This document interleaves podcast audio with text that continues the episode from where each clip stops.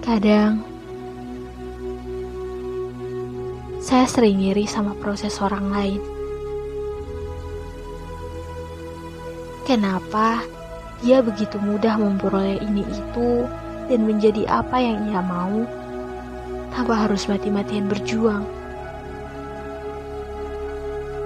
Sedangkan segala yang saya usahakan seakan jalan di tempat. Absurd. Saya terus memandang semua yang terjadi dalam satu pola pikir. Saya depresi. Sampai akhirnya sosok itu muncul di balik cermin. Indra visualnya berkaca-kaca. Saya dapat menyaksikan pembantaian yang menyatu pada aliran sungai di matanya. Saya terkejut melihat begitu banyak potret yang tiba-tiba muncul. Saya berpaling, memutar arah, terpejam sejenak.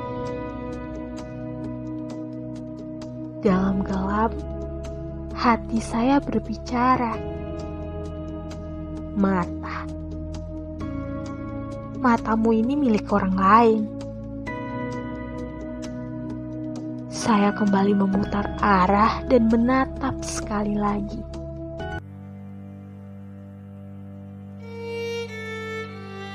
Ibu, ayah,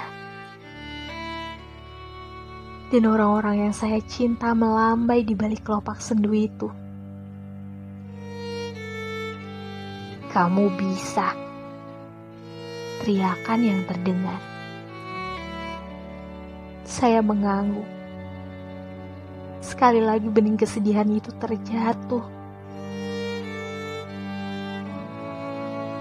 Setelahnya, saya berjanji akan selalu mencintai setiap proses yang saya jalani. Tanpa harus terpaku pada proses orang lain.